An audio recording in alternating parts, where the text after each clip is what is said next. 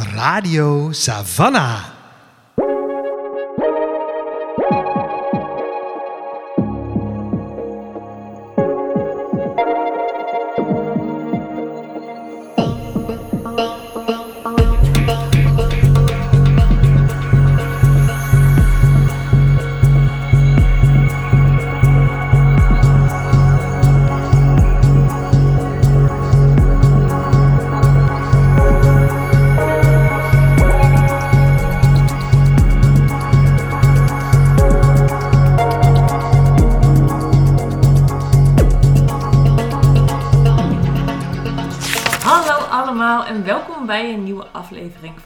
Radio Savannah, de podcast van boekwinkel Savannah B. Ik ben Suzanne En ik ben Lola. en Savannah B is een onafhankelijke boekwinkel in het centrum van Utrecht. Wij zijn gespecialiseerd in feministische literatuur. Voor ons wil dat zoveel zeggen als literatuur op het snijvlak van gender, decolonisatie, queerness en het klimaat. En in elke aflevering van deze podcast zetten we een boek, persoon of verhaal in het zonnetje. Mhm. En deze week is Boekenweek. Yay! Dat is de sound effect van de boekenweek. Dat is toch wel hè, de Nationale Feestweek der boekhandels. Dus, eh. Ja, maar echt hoor. eh, dus eh, daar gaan we het veel over hebben. En we gaan het hebben over een bijzonder boek. Deze bijzondere Boekenweek. Namelijk het boek geschreven door Raoul de Jong. Mhm. Dit jaar schrijver van het Boekenweek Essay. Eh, en in 2020 kwam van hem uit Jaguarman, Mijn Vader, Zijn Vader en andere Surinaamse helden. Wij hebben het gelezen, wij gaan het bespreken en we gaan het vieren. Dat is de deal. Suus, Yes. Het is Boekenweek. Yay! Hoera! Ja. ja, het is een beetje het duf misschien als je niet in het boekenvak zit. Maar het is wel echt super leuk als je in de boekwinkel werkt. En het is boekenweek. Ja, Het zit er ook altijd zo aan te komen. Wat het thema gaat zijn. En wat de acties gaan zijn. En wat iedereen gaat doen. ja, En eh, nu is het zover. yes. Want we nemen dit op aan het begin van de boekenweek. Ja. Eh, en Vandaag is hij begonnen. Vandaag begint het. Ja. Eh, maar als jullie dit luisteren, zitten jullie er al eh, middenin. Dus misschien zijn jullie allemaal in volle feeststemming. Ik hoop het. En zo niet, dan is dit misschien nog het steuntje in de rug om jullie zover te krijgen. Yes. Het thema van dit jaar is Ik ben alles. Mhm. Wat eh, een thema is dat Savannah B denk ik nou, naadloos past. Ja, echt leuk. Ehm, Boekenweek Geschenk is dit jaar geschreven door Lise Spit. Het essay is geschreven door Raoul de Jong. Over dit alles later meer. Mhm. En Savannah B viert feest. Mhm. Dat hebben wij voor ons in de toekomst, maar voor jullie in het verleden... al op twee hele leuke manieren gedaan. Namelijk met twee supermooie evenementen. Ja. Ehm, we trapten de Boekenweek af met Sam Bettens. Mhm. Zanger van Case Choice en schrijver van het boek Ik Ben. Ja. Eh, die kwam in de winkel om even met ons te babbelen. En met jullie vooral ook. Om boeken te signeren en een stuk voor te lezen. Ja. Mocht dat boekje gemist hebben, check it out. Het is heel cool. Het is zowel in het Nederlands als in het Engels beschikbaar. Dus eh for also eh, for your international friends. eh Mhm. Superleuk. Mhm. En dan zondag 12 maart hadden wij een eh, hele mooie themamiddag. Ja. Onder de noemer Paris was a Woman. Oeh. Ja, romantisch. Eh, een dag waarop eh, twee grote boekenheldinnen van onze winkel, namelijk boekhandelaren Adrienne Monnier Mhm. en Sylvia Beach, ehm, over wie onlangs twee boeken verschenen zijn, eh, in het zonnetje werden gezet en waarin we het hebben over boeken, vrouwen, boekhandelaren en Mhm. heel veel meer. Hier kun je dus allemaal niet meer heen. Dat is een beetje jammer. Maar wat het wel ook eh, waren, waren hele mooie momenten om over boeken te praten. En die boeken kun je gewoon nog lezen. Ja. Maakt niet uit wanneer je dit En luistert. heel veel zijn ook nog gesigneerd. Dus Precies. misschien zijn er nog wat over. Ja. Kun je even kijken. Leuke cadeautjes. Leuke cadeautjes. We zetten alle, alles in de, in de show notes van deze aflevering. Mocht je dit eh, een beetje op tijd luisteren, dan liggen ze ongetwijfeld ook nog breed uitgestald in de winkel. Yes. Kan je meteen je boekweekgeschenk ophalen. Hatsa. Waar je nog wel heen kan, eh, is het afsluitingsevenement op 19 maart. In Villa Concordia is er in samenwerking met Queer Villa eh, een mooi evenement eh, waarbij heel veel van de thema's die centraal staan in deze boekenweek besproken worden, verkend worden En dat gebeurt via allerlei interessante culturele insteken. Natuurlijk via literatuur. Uh, want Savannah B. draagt bij. Dus uh, schrijver Alejandra Ortiz um, komt vertellen over haar werk. Maar er is ook theater. Door theatermaker Caro Ilias de Feiter. Uh, er is een film die wordt vertoond. Een korte film. dus er is voor ieder wat wils bij. En het zijn allemaal verhalen, beelden, performances over uh, de rekbaarheid van onze identiteit. Dus de pluriformiteit van wie we zijn en hoe al die verschillende kanten met elkaar samenvallen, soms met elkaar botsen, in gesprek gaan, hoe we dat bij anderen wel of niet zien. Uh, en het is een lekker queer uh, verhaal. Ja. Allemaal. Dus een hele mooie afsluiter van de Boekenweek, denk ik. Dus als je nu dacht, oh nee, ik heb Sam Bettins gemist. Oh nee, Parents of a Woman leek me geweldig. Kom, van, kom op zondag lekker naar Villa Concordia om de boekweek feestelijk met ons af te sluiten. Yes. Heb je dat nou allemaal gemist? Heb je geen tijd? Leef je ver in de toekomst? er zijn er gelukkig altijd nog boeken. Yeah. Want van de B zou ze van de B niet zijn als we rondom het thema een uh, prachtige lijst met boekentips hadden samengesteld. Het zijn er twaalf, mm -hmm. maar liefst. Een hele kleine greep uit deze selectie. Uh, wij tippen onder andere Antiboy van Valentijn Hoogkamp. Ik ben van Sam Bettens natuurlijk. Mijn ontelbare identiteiten van Sinan Chankaya. Geen gewoon Indisch meisje van Marion Bloem. De dichtbundel Mythen en Stoplichten van Alara Adilo. En nog heel veel meer. Ja. Over een aantal van die boeken hebben wij het ook in deze podcast al een paar keer gehad. Mm -hmm. Dus die zullen we nog weer eventjes naar je doorlinken. Mocht je dat terug willen luisteren of benieuwd zijn, dan uh, nou, hebben wij dat dus gewoon al met enorm vooruitziende blik ja, joh. gefixt voor je.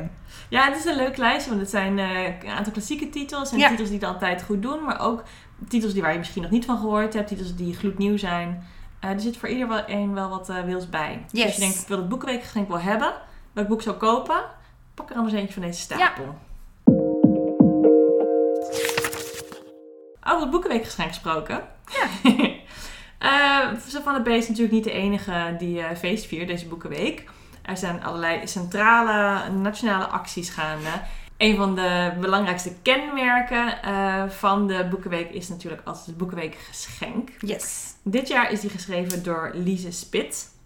Lise Spit ken je misschien al wel. Is al enige tijd uh, aan de weg aan het timmeren, wil ik zeggen. ze zit goed, goed op die weg. Ja. Ze is gewoon lekker bezig ze, op die weg. Ze gaat prima 100 kilometer over die ja, weg. Inderdaad. Ja, misschien heb je van haar wel gelezen Het Smelt. Of haar boek Ik ben er niet. Um, misschien heb je nog niks van haar gelezen. Is dit je introductie. Uh, dat is het fijn van Boekenweek geschenkjes. Eén, je krijgt hem gratis. Als je 15 euro uitgeeft yes. in een boekwinkel. En uh, het zijn dat lekker dunne boekjes. Ja. Dus je kan even proeven ja. wat je van deze schrijver vindt. En het fijne van een schrijver als Lise Spit is dat als je haar boeken uh, leuk vindt, dat je zeker weet dat ze er nog lekker door gaat met schrijven ja, de komende precies. tijd. Yes.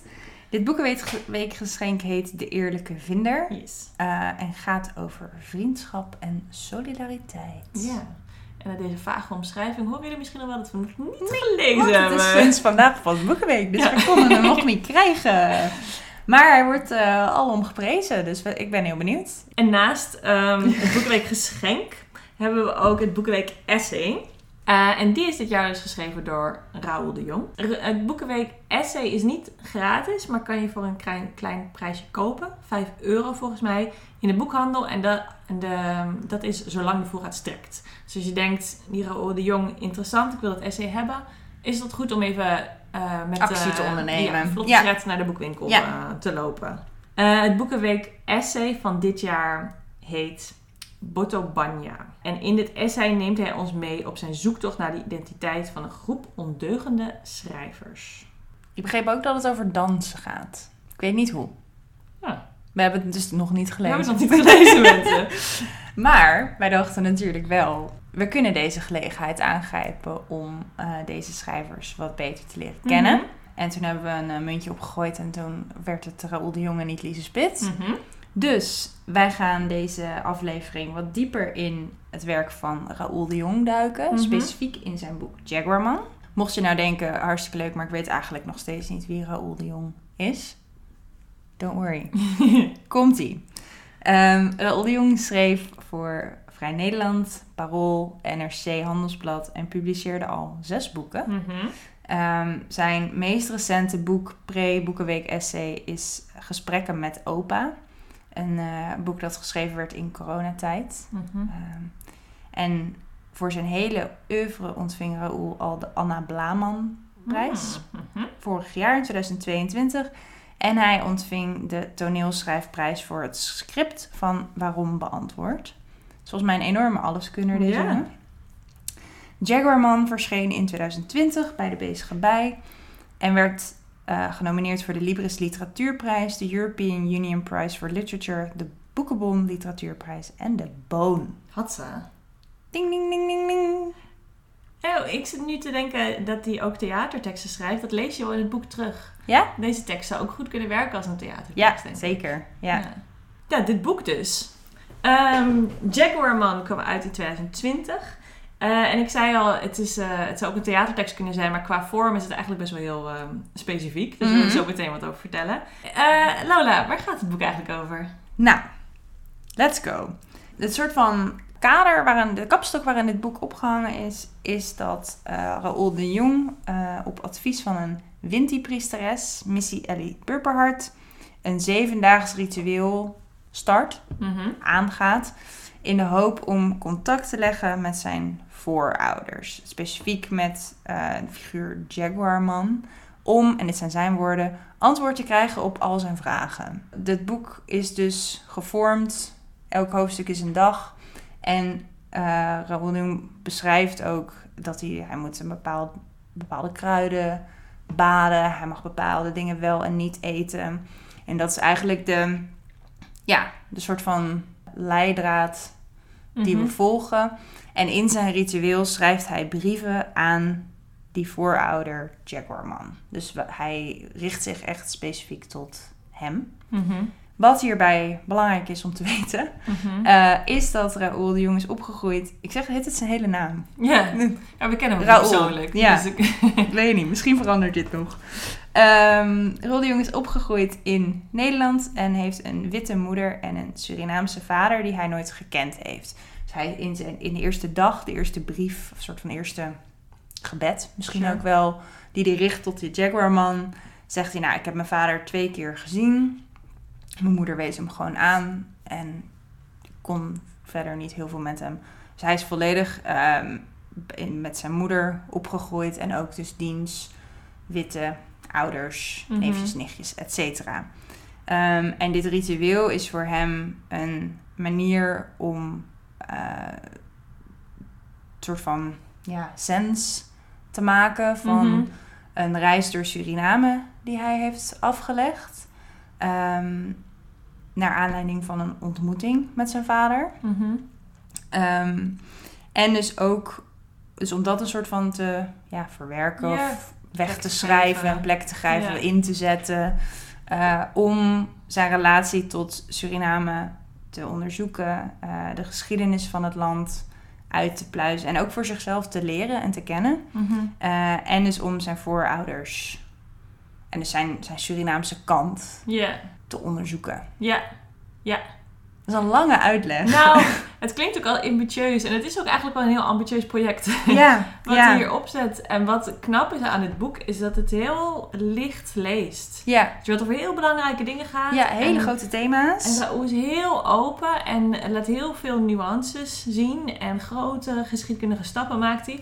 Maar het is ontzettend invoelbaar, lief, ja. vriendelijk, vergevingsgezind, sympathiek boek. Dus je, ja, je staat inderdaad in dat Rotterdamse flatje met hem dat ritueel uit te, voeren. ja. En dan ben je in het eh, dorp waar hij opgroeit met zijn moeder. En dan zit je met zijn vader aan de koffie. En dan ben je in Suriname.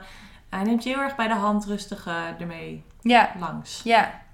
Ja, en hij balanceert wel goed tussen zoeken en uitleggen, zeg Mhm. maar. Dus hij heeft heel veel onderzoek gedaan. En hij moet natuurlijk ook gaan vertellen, toen ging ik daarheen en toen ging ik daarheen. Maar dit is niet een soort reisverslag of zo. Nee, Zo zou ik het echt niet Nee. lezen. nee. Of een soort chronologie van een familieonderzoek of zo. Ik weet niet. Het is veel Nee. ja, mystieker ook. Maar Ja, eh, ja. En het begint eigenlijk allemaal bij een, ehm, een appje of een mailtje... wat hij vrij plotseling opeens krijgt van zijn vader. Ja. Die hij dus helemaal niet kent. Ehm, krijgt hij opeens bericht van zijn vader. En dat is een beetje een, een gek bericht. eh, Typografisch gezien en grammaticaal gezien. En hij komt binnen en hij weet niet goed wat hij ermee moet. En dan denk ik, nou, het zal wel niks, dus laat een tijdje liggen. En op een gegeven moment denkt hij toch, nou, laat ik het contact gewoon eens aangaan. Kijken of we contact kunnen leggen.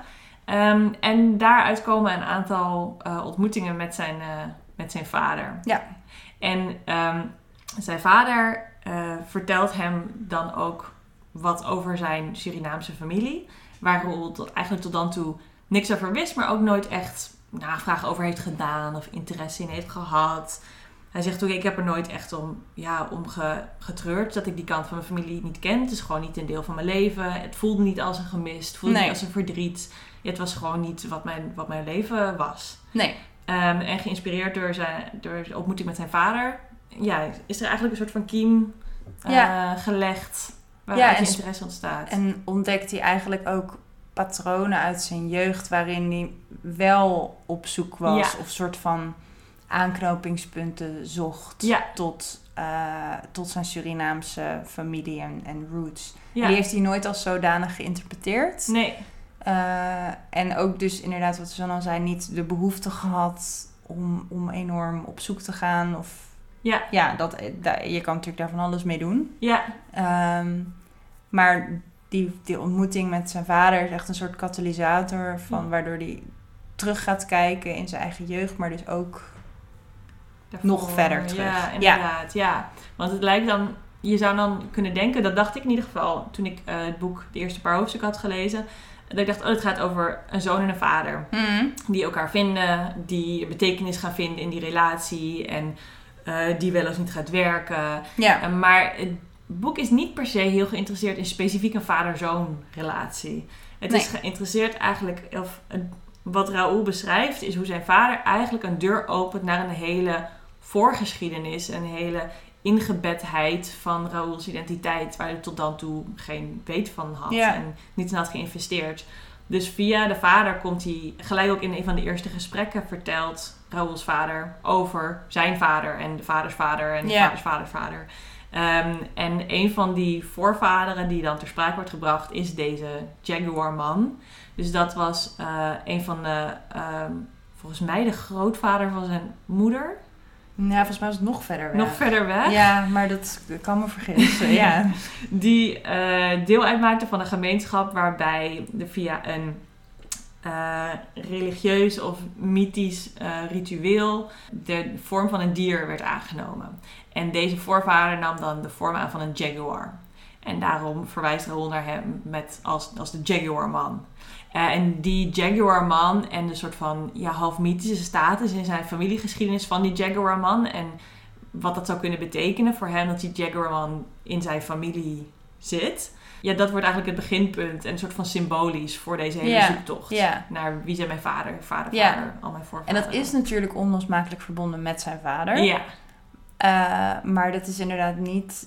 Het boek is geen uitdieping van de relatie tussen vader en zoon. Nee. Of een, een eh, ja, diepe, voortdurende diepe gesprekken tussen die twee. waarin ze elkaar vinden en kwijtraken en weer vinden of zo. Je kan, je kan daar allemaal strikken omheen knopen als schrijver, maar zo is het niet gegaan. nee.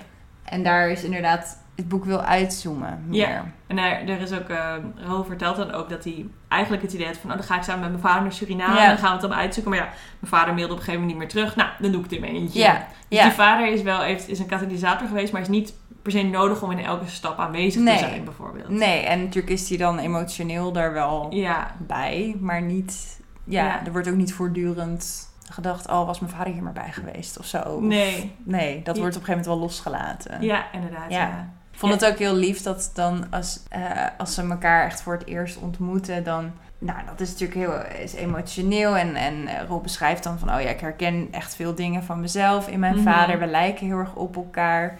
Maar dat is heel erg aan het begin van het boek. En hij zegt ook iets van: Nou, en toen hoopte ik dus dat alles opgelost was. En dat hiermee de kous af was. Dat gevoel duurde ongeveer een maand.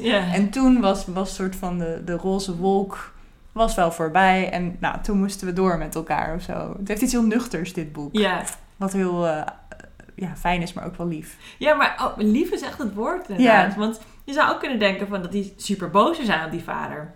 Die vader is niet zozeer uh, niet zo aanwezig geweest, maar ook niet echt beschikbaar geweest. En Nee. is communicatief ook niet altijd heel erg ehm, eh, aan boord eh, in deze relatie. Eh, maar Roel is heel, ziet van nou, dit is wie jij bent, dit is wie ik ben, Ja. dit is mijn leven, dit is jouw leven. Hier raken onze levens elkaar en hier niet. Ja. En ja, het is heel, niet, vergevingsgezind is niet eens echt het woord, Nee. maar ehm, heel lief en eh, grootmoedig daarin. Ja, zo schrijft hij het in elk geval heel erg op. Ja, Los, hè, we weten natuurlijk alleen maar wat hij opschrijft. En Ja. dat is ook helemaal goed. Maar dit, ja, dit is geen, ja, lief of... Nee, helemaal niet. Nee. Of, of heel boos boek om Nee. specifiek dat, nee. dat deel van zijn leven, zeg maar. nee, en hij verheerlijkt zijn vader ook niet. Nee. Hij, ze- hij geeft ook best wel heel lief, beschrijft hij ook soort onhandigheden die zijn vader Ja. begaat in hoe hij zich sociaal opstelt. Ja. Maar heel liefdevol. Ja. En wat een beetje doorcijpelt is dat dat ook wel is hoe zijn moeder altijd Ja, over die vader heeft eh, gesproken. Dus het is nooit een soort van geheim. Of nee. ze is geen verlaten vrouw Nee. of, of in de steek gelaten of zo. Het wordt beschreven als mijn moeder wilde een kind, Ze had een kortstondige eh, affaire met mijn vader. Ja, En daarmee was het ook goed, zeg Ja. maar. Dus daar zit ook een bepaalde... ja, dat is waar. Ja, warmte is misschien maar een soort van wederkerigheid of zo. ja, in. ja, dat is het. Raoul's verkenning begint dus eh, deels met ehm, onderzoek in Nederland. Eh, en er is een, eh, een mooie scène, vond ik zelf, dat Raoul samen met zijn vriend Jim ehm, in, een, ehm, in Rotterdam in een café bij een eh Kitty Kotti viering, herdenking aanwezig is.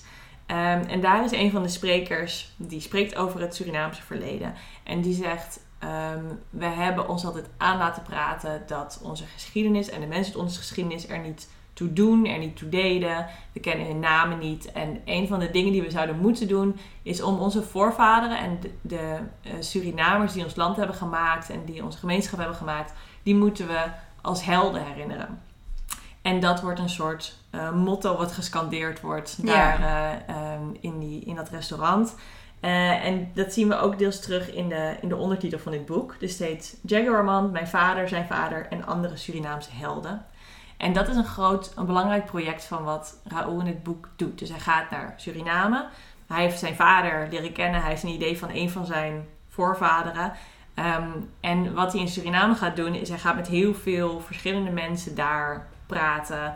eh, om steeds beter te begrijpen hoe hij verbonden is met Suriname. Wat Suriname is, hoe Suriname geworden is, wat het nu is. Hoe de Surinaamse mensen geworden zijn, wat ze nu zijn. En ehm, dit is een mooie manier, omdat je dus telkens in het boek... je leert ieder hoofdstuk wel één of twee nieuwe mensen kennen. Nieuwe helden kom je tegen. Ehm, en Raoul neemt dat heel serieus. Die stelt deze mensen heel erg expliciet aan je voor. Die vertelt wie ze zijn, die vertelt het gesprek. Hij heeft ook heel mooie illustraties gemaakt. Tekeningen van Ja. de mensen. Dus we hebben echt portretten met naam die door de tekst heen... eh, Ja. Dus mensen krijgen echt een gezicht. ja, echt Ja. dat inderdaad. En dit zijn echt mensen die die tegenkomt. eh, andere schrijvers, maar ook eh, historische figuren. Mhm. eh, verschillende genders. Zeg maar dat helden hebben, komen uit alle hoeken Ja, in dit boek. Ja, inderdaad. Ja, want we hebben het hier vaak over vaders en voorvaderen. Maar daar is even een, genderneutraal begrip. Ja, dat gaat voor ouders. Eh, ja, inderdaad. Ja, En, ja. en ook van de, de helden die die van nu tegenkomt. Dus eh, Tessa Liusje komt er bijvoorbeeld in voor. Karen Ahmad Moukrim. Mhm. Eh, Mario Markelo, et cetera. Ja. ja, en met die helden werken we eigenlijk een beetje de Surinaamse geschiedenis door. Dus die Ja. leveren allemaal puzzelstukjes of informatiebronnen eh, van echt gewoon wat mensen terloops in een gesprek zeggen tot Mhm. eh, hier is een archiefstuk Mhm. wat je moet bekijken waarmee Raoul eigenlijk ja, op onderzoek gaat en en een soort van eh, zicht probeert te krijgen en, en ook gevoelsmatig een relatie op wil bouwen met Suriname. En hij wil op een nieuwe manier naar het land Mhm. kijken, want hij heeft wel een soort van basic beeld. eh, maar hij is dus op zoek naar die helden en op zoek naar, ja, niet per se positiviteit, dat is het niet, maar wel naar een soort naar kracht of zo. Naar, naar, eh, naar een ander verhaal dan wat hij kende. Ja, Eh, en maar ook gewoon puur naar informatie. Ja. Want hij is opgegroeid in Nederland, in het Nederlandse schoolsysteem, binnen een witte familie. Dus hij mist gewoon, ja, dat is allemaal, hij mist heel veel. Ja. Dus het gaat echt van, van historische feitjes tot mythen, tot hoe gaan we met de natuur hier om, tot wie wonen hier nou eigenlijk en hoe zijn ze hier gekomen. En al die verschillende draadjes, die knoopt hij aan elkaar voor Ja. zichzelf. Ja, en het is super interessant. Ehm, ik wist bijvoorbeeld ook heel weinig van deze, van deze geschiedenis. Het is inderdaad niet iets wat ik op school direct heel veel heb geleerd. Iets over de onafhankelijkheidsstrijd is denk ik het meeste wat ik geleerd heb op school eh, over Suriname. En de rest van de informatie komt van romans, boeken die ik hier en daar eens heb opgepakt, Mhm. gesprekken die ik heb gehad. Ehm, en dat is eigenlijk ook een beetje de manier waarop ehm Raoul de Jong het hier moet doen. Omdat in heel veel van de archieven zijn niet de verhalen opgetekend van de mensen die toen daar als tot slaafgemaakte personen eh, woonden. Dus hij moet het ook hebben van een, een anekdote hier, een orale geschiedenis daar, een, een boekje wat ooit een keer ergens is uitgegeven. Ja, Het gaat ook alle, zeg maar, ehm, historisch gezien door alle tijdsvlakken heen. Het is de taak van Raoul wat het lastig maakt om al die verschillende bronnen bij elkaar te brengen. En hij probeert er ook niet per se één verhaal van te maken. nee. Maar hij probeert wel een soort van betekenis te ontlenen om beter grip te krijgen op geschiedenis en de geschiedenis van Suriname. Ja, en om heel erg ook te zoeken naar wel, hè, welk verhaal heb ik no- nooit gehoord. Ja, En welk verhaal vind ik ook niet in bibliotheken. Of zeg maar, hè, als je dan onderzoek gaat doen, dan zijn er natuurlijk alsnog heel veel gaten ja, en heel veel perspectieven die niet gerepresenteerd worden. ja. Ehm, dus dat, neemt, dat besef neemt hij denk ik ook heel erg mee. Ja. Een van de ehm, lijntjes in zijn onderzoek die ik zelf heel interessant vind, ehm, gaat over de verschillende gemeenschappen die samenwonen in Suriname. Die historisch eh, echt van andere plekken ook komen. Dus ehm, de mensen die altijd al in Suriname eh, gewoond hebben, zeg maar de oorspronkelijke bewoners, om het even eh, zo te noemen. De mensen die als tot slaafgemaakte personen naar Suriname zijn gebracht. Ehm, maar ook bijvoorbeeld de, de nieuwe migranten die vrijwillig of minder vrijwillig naar Suriname ja, als soort kwamen. gastarbeiders. Ja, ja. na de afschaffing van de slavernij. En eh, al die groepen ehm, mensen, wat natuurlijk al een enorme diversiteit was destijds. ehm, dat, daar is nu nog steeds een weerklank van, die ook de sociale dynamiek in Suriname nu nog voor een groot deel bepaalt. En Raoul kan heel mooi laten zien, oké, waar komt dit vandaan? Hoe speelt het nu? En ook hoe, ehm, ja, voor een semi-buitenstaander zoals hij het best wel schrijnend kan zijn om te zien hoeveel conflicten er ook nog kunnen bestaan eh, tussen gemeenschappen waarvan je zou denken, ja, maar als iemand uit Nederland die denkt, het zou zo mooi zijn als Ja. nu, nu de Nederlanders weg zijn, dat het hier nu gewoon allemaal perfect zou zijn. Ja, Maar dat is, een, dat is niet een verhaal wat hij zichzelf, eh, ja, nee, dat Aan kan praten Nee, dat, zo is het gewoon niet. Ja. Nee. Ja, dus het is soms ook wel, eh, er zitten wat verdrietige ka- kantjes aan. Ja. ja, en ook wel eh, woede om het Ja. geweld dat mensen is aangedaan. Ja, Eh, in de, in de tijd van de slavernij en de kolonie. mhm. eh, dat de Suriname-kolonie van Nederland was. En, en, en verdriet en emotie. En Mhm. ja, Een van de zaken waar hij dus ook soms eh tegenaan loopt, is dat omdat Raoul graag op zoek is naar een bepaald verhaal over Suriname. eh, en soms komt hij bronnen tegen en stemmen tegen die helemaal onverwacht waren en die hem daarin ondersteunen. Eh, en dat is dan een supermooie bevestiging en dat geeft veel kracht. En soms komt hij bronnen tegen waarvan hij eigenlijk zou willen dat ze anders zouden zijn. Zoals een boekje van de eerste zwarte Surinaamse schrijver. Dus voor de eerste keer dat een boek werd gepubliceerd van een zwart Surinaamse schrijver. ehm, die een verhaal vertelt over Surinaamse mensen. Die eigenlijk heel negatief is. Eh, en het zou zo mooi zijn als dat natuurlijk niet het geval zou zijn. Als het eerste boekje een bron van, van kracht en trots was. ja, En het zijn al deze complexe historische bronnen en verhalen waar Raoul eh, dan zijn Ja. weg in moet vinden. hij vertelt ook, hij gaat op een gegeven moment een soort wandeltocht doen Mhm. met eh, een groepje mensen. En daar zit dan ook een wit stel uit Almere bij. En hij zegt, ja, daar besteedde ik natuurlijk niet zoveel aandacht aan, want daar, voor hen was ik hier niet. En uiteindelijk geeft een van die mensen van dat stel, geeft hem een soort van piece of the puzzle in zijn zoektocht naar Jaguarman en de mythologie daaromheen.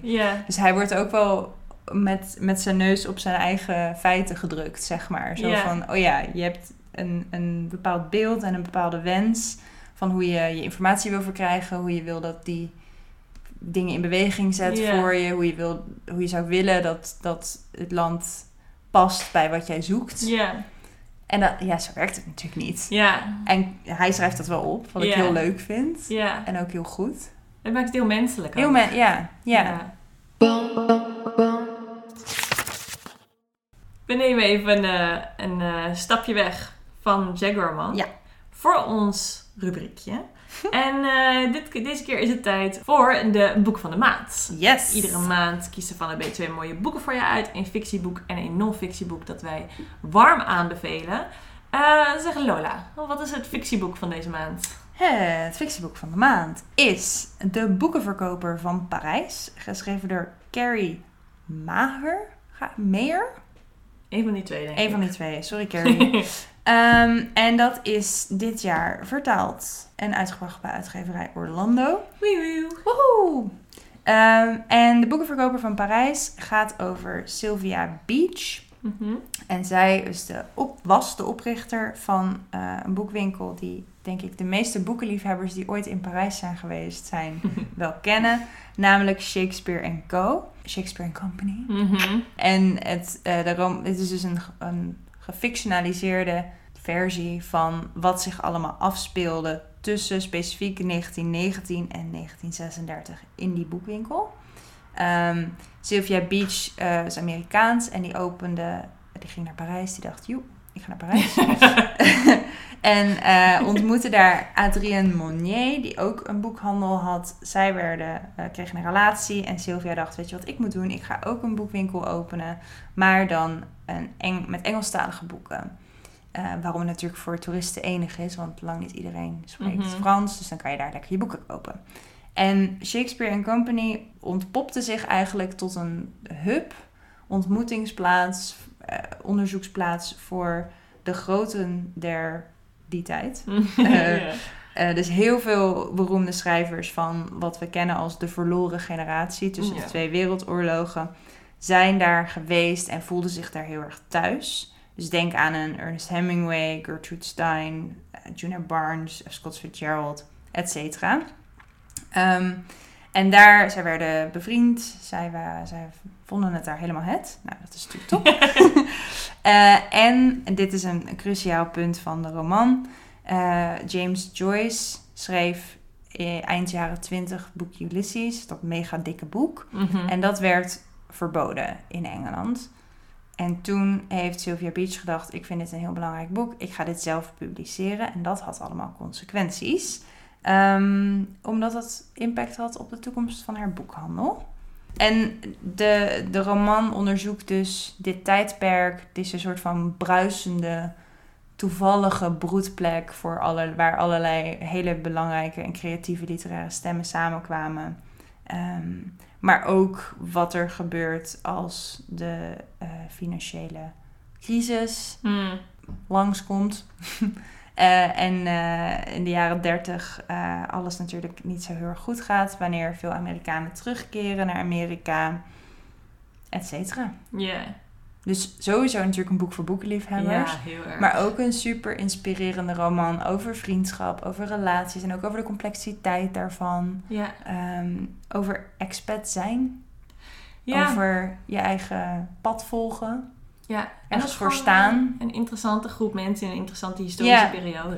Het is een beetje eh, Midnight in Paris, die Ja. film. eh, dat ineens dan iedereen zich concentreert op zo'n plek. Wat Ja. natuurlijk heel logisch is dat ge- dat gebeurt. Maar zeker als het al wat langer geleden is, dan voelt het heel magisch. Ja, zeker. Ja, ja. Ja, echt een super romantisch boek lijkt ja Het en het, leekt, het leest allemaal natuurlijk hartstikke fijn weg. Ja, Dus eh, laat je er lekker door meeslepen. En, en voer terug in de tijd. En omarm deze boekenweek maand. yes. De kracht van het boek. Oh. En de boekwinkel. Zeker, ja, dat ook echt. Viering van de boekwinkel. Ja. Ehm, misschien zit je even in een hele andere vibe. En denk je, nou, al het romantische gedoe en al die literaire verheerlijkingen, dat is even niet waar mijn hoofd naar staat. Dan hebben we ook wat moois voor je verzonnen. Eh, namelijk het non-fictieboek Doe zelf normaal van Maxime Februari. Een pakkende titel. Ja. Eh, en ook wel een, een interessant boek van natuurlijk gewoon een, een eh, originele, scherpe, intelligente eh, schrijver die we allemaal al kennen, Maxime Februari. Als je trouwens Maxime Februari niet kent, natuurlijk essayist, jurist, filosoof, scherpe schrijver, scherpe observaties, Mhm. analyse van de maatschappelijke context.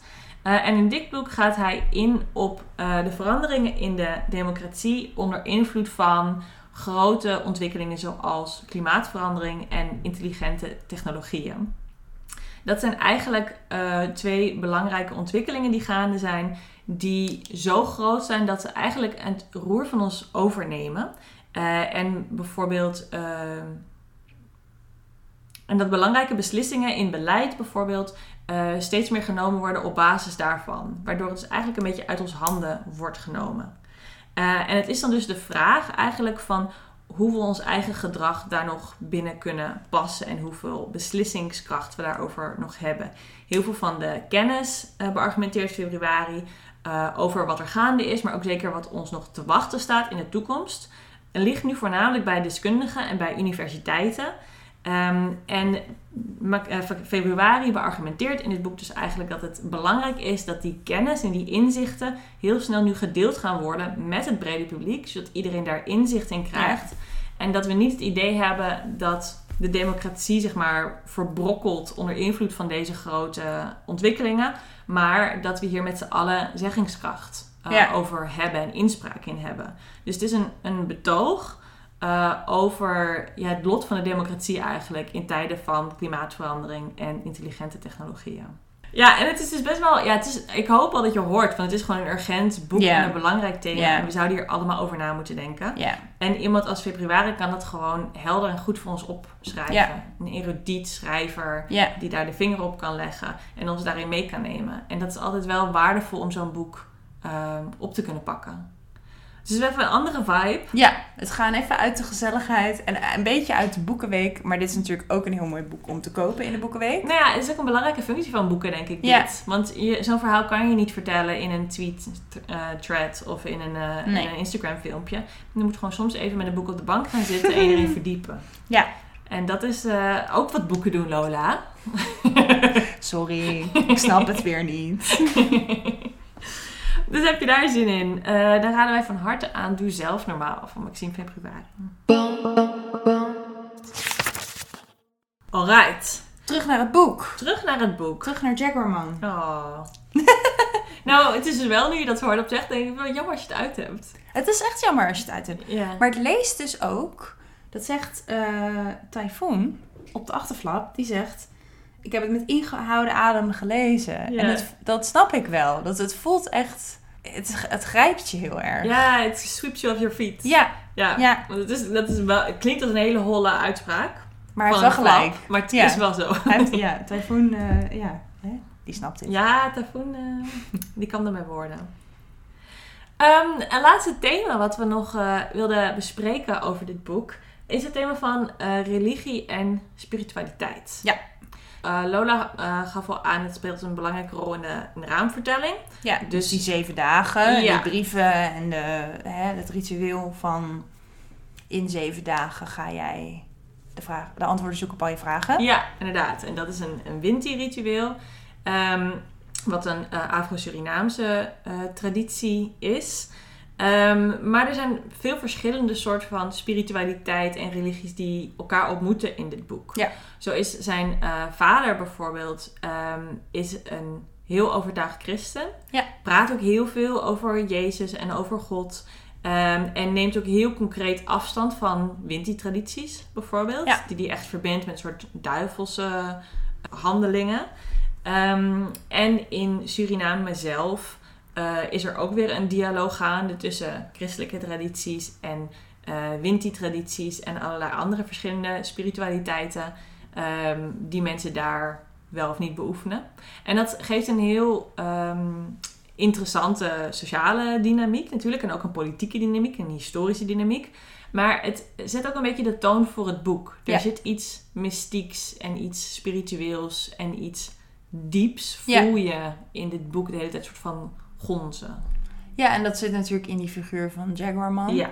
Eh, dus een, een man die kan transformeren in een jaguar. Mhm.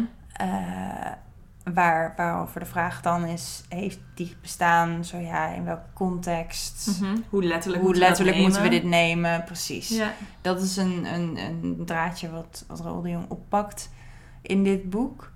Hij is zelf ook iemand, die, of althans hoe die overkomt in dit boek, die spiritueel is. Of die, die daar zeker niet eh, luchtig of lacherig over doet. Nee. Ook niet, hij gaat dat ritueel doen omdat hij dat gaat doen. En, en eh, hij, doet, hij is niet iemand die zegt: Oh, ik geloof in Winti-traditie Ja. X of Y. Zeg maar, daar, daar, daar schaar ik me, mezelf onder. Maar wel iemand die heel erg open staat voor wonderen, tekenen van het universum. eh, de mogelijkheid van het bestaan van een Jaguarman. Ja. Ehm, en, en hij zegt ook op een gegeven moment... eh, maakt hij een opmerking van... oh ja, voor mijn vader is dit dan God. Voor Mhm. mij niet. Maar ik geloof wel in ja, iets groters. Iets, Mhm. iets delends. Iets bindends. Ja, en dat past natuurlijk ook mooi binnen die zoektocht die hij doet van zijn eigen Surinaamse herkomst verbonden via zijn vader en zijn eh, grootvader, maar dan ook weer alle andere helden die hij tegenkomt. Ja, Tot het zich eigenlijk uitbreidt tot een heel grote, ja, een soort van collectiviteit. ja, Daar zit ook duidelijk iets heel spiritueels in, die verbinding met een grote Ja. geheel, met het land, met de natuur, met de mensen, met tradities, met verhalen. Ehm, ja, dus daar, daar resoneert het ook heel mooi mee. ja. En hij, ver, hij da- da- daar gaat hij naar op zoek. Dus naar die Mhm. verhalen, maar ook dus echt, hij doet echt archiefonderzoek. Of samen met een vriend. En die twee, die, die zijn helemaal vervlochten. Ja, Er is niet een soort nee. waardeoordeel, maar ook niet een, eh, een soort, nou, nu ga ik even mijn archief opentrekken en dan zet ik, druk ik even op het uitknopje van mijn spirituele brein. Dat zie ik wel weer als ik een ritueel ga doen, zeven dagen lang of zo. Dat, dat is, vloeit helemaal in elkaar over. Ja. ja, en dat komt ook deels omdat heel veel van de historische bronnen die je tegenkomt, zijn niet per se wetenschappelijk, maar bijvoorbeeld meer religieus. Ja, Eh, of eh, hebben meer te maken met mythe en legende dan met eh, ja, geschiedschrijving zoals je dat in andere contexten tegenkomt. ja. Eh, en dat loopt inderdaad helemaal Door Door elkaar. elkaar heen. Ja. ja. Ik vond het een heel eh, leuk aspect aan Ja, het boek. ook. En het is ook heel fijn dat je daar niet cynisch over hoeft te zijn. Nee, Dat je daar gewoon in mee kan gaan. ja. En dat je dan ook de, kan zien hoe die twee elkaar versterken, bijvoorbeeld. Ja. En ik vond die blik, of dat perspectief, dus met meer spirituele openheid, noem ik maar even, ook heel fijn omdat het echt een echt extra laag geeft aan dit boek. Dus het is niet alleen maar een geschiedkundig onderzoek. Het is ook niet alleen maar een memoires. Ik ging op zoek naar mijn roots in Suriname. Dat is het allebei ook. Maar er zit dus nog een soort extra laag in die je bij dit soort boeken, die ik wat minder vaak lees in elk geval. Ja, Eh, het is een thema wat ik, wat ik wel heel interessant vind om over te lezen. En waar Mhm. ik wel meer eigenlijk over zou willen lezen. Ja. En dat merkte ik toen ik dit boek las. ja, het is een andere manier ook van betekenisgeving Ja. aan, aan de, de dingen die gebeuren in je leven. Ja, ja. en misschien komt het ook omdat ik zelf eh, niet religieus ergens mee geaffilieerd ben. Of bijvoorbeeld zelf bezig ben met rituelen, religieuze rituelen. Eh, dat het ook niet zoveel voorkomt in mijn Mhm. leven. Maar het is juist die afscheiding die hij hier doorbreekt. Ja, dat je alleen maar met religie in, aanraking zou komen of daar betekenis eh, in kan herkennen en herkennen als dat deel is van, ja, van het instituut waar je in deelneemt bijvoorbeeld. ja, en hij zegt ook, ik neem er wat van mee. Ja, In, als je terugkomt uit Suriname dan in zijn geval, maar ook eh, in je leven. ja. Is het misschien goed als we een stukje voorlezen? Ja.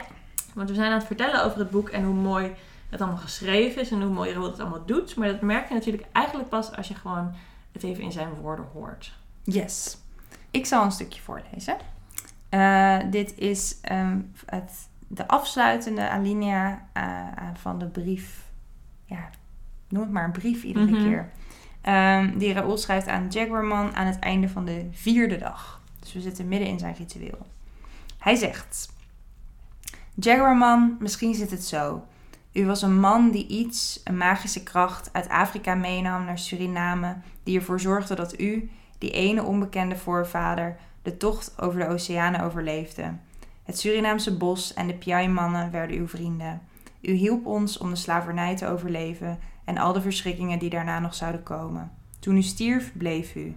Bij de kinderen van de kinderen van de kinderen van uw kinderen, tot u via de moeder van de vader van mijn vader hier, nu, op dit moment uitkwam naast mij. In deze gekke stad, in dit gekke land, in deze gekke tijd, op deze gekke wereld. Om mij te helpen in dit leven. Ik moet een beetje lachen nu, want ik voel wat het betekent als dat waar is. Dat ik werkelijk niets heb om te vrezen. Dat er in dit leven niets onmogelijk is. Ik ben blij dat we hier samen zitten, Jaguarman. Ik ben blij dat u me heeft gevonden. Het is een hartstikke mooi boek. Het is een heel mooi boek. We raden het echt helemaal aan. Heel erg. En ik Ja, ben nu ook heel benieuwd naar het essay. ja, ik ook. Heel veel zin om het te gaan lezen. Ja. Nou, dus doe dat. Zeg Ja. Lola, aan wie zou jij dit boek aanraden?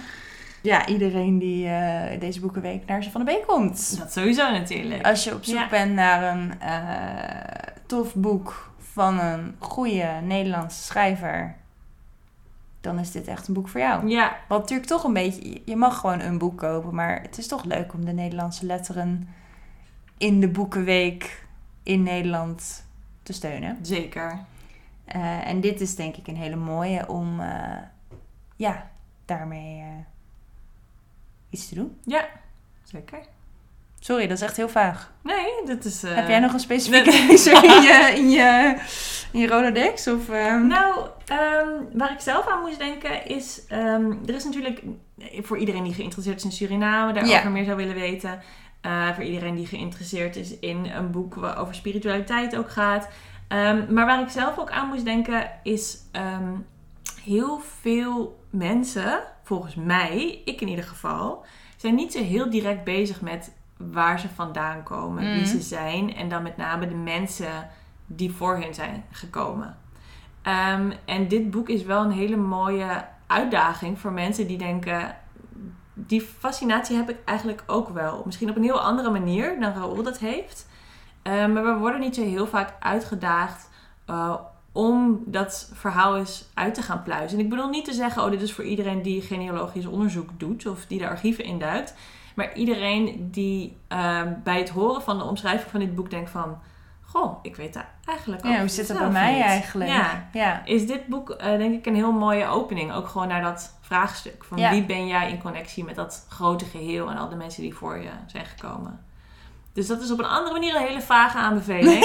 ik moet zeggen, het is niet heel vaak dat mensen de winkel binnenkomen en zeggen, nou dit is mijn situatie. Nee. Maar misschien als je deze podcast aan het luisteren bent, is daar een, eh, een lichtje aangegaan. En als dat lichtje is aangegaan, pak dan zeker dit boek op. Ja. Sowieso een aanrader. Sowieso. Met deze ronkende aanbeveling zijn we aangekomen bij het einde van onze Boekenweek-aflevering van Mhm. 2023. Wij eh, danken jullie hartelijk voor het luisteren. We hopen jullie natuurlijk allemaal in de winkel te zien deze Boekenweek. Ja. Ehm, en je mag ons altijd vertellen wat je over dit boek vond, over de podcast, over Boekenweek essays, geschenken. Eigenlijk alle, alle boeken gewoon wel. Zeker. Eh, kom dat delen met ons. Dat kan as always in de winkel, maar ook via al onze socials. At boekwinkel B. Je mag ons ook een mailtje sturen. info.savannab.nl Precies. Eh, doe dat. Vinden we gezellig. Heel gezellig. Yes.